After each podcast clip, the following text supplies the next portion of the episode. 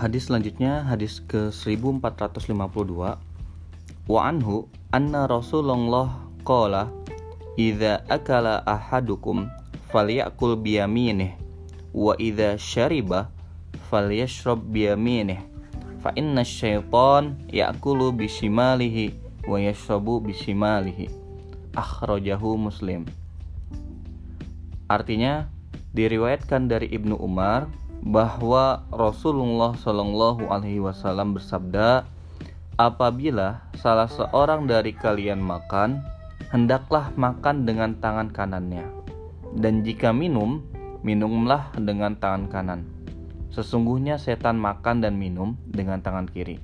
Hadis riwayat Muslim.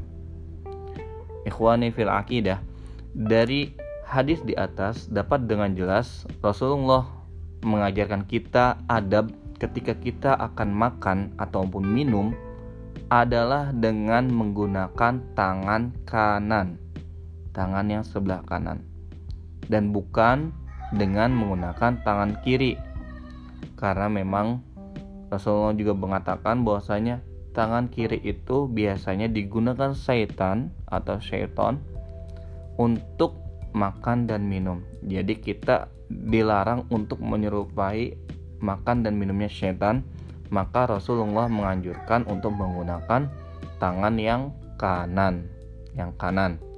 Dan juga biasanya tangan kiri itu digunakan untuk bersuci setelah membuang hadas.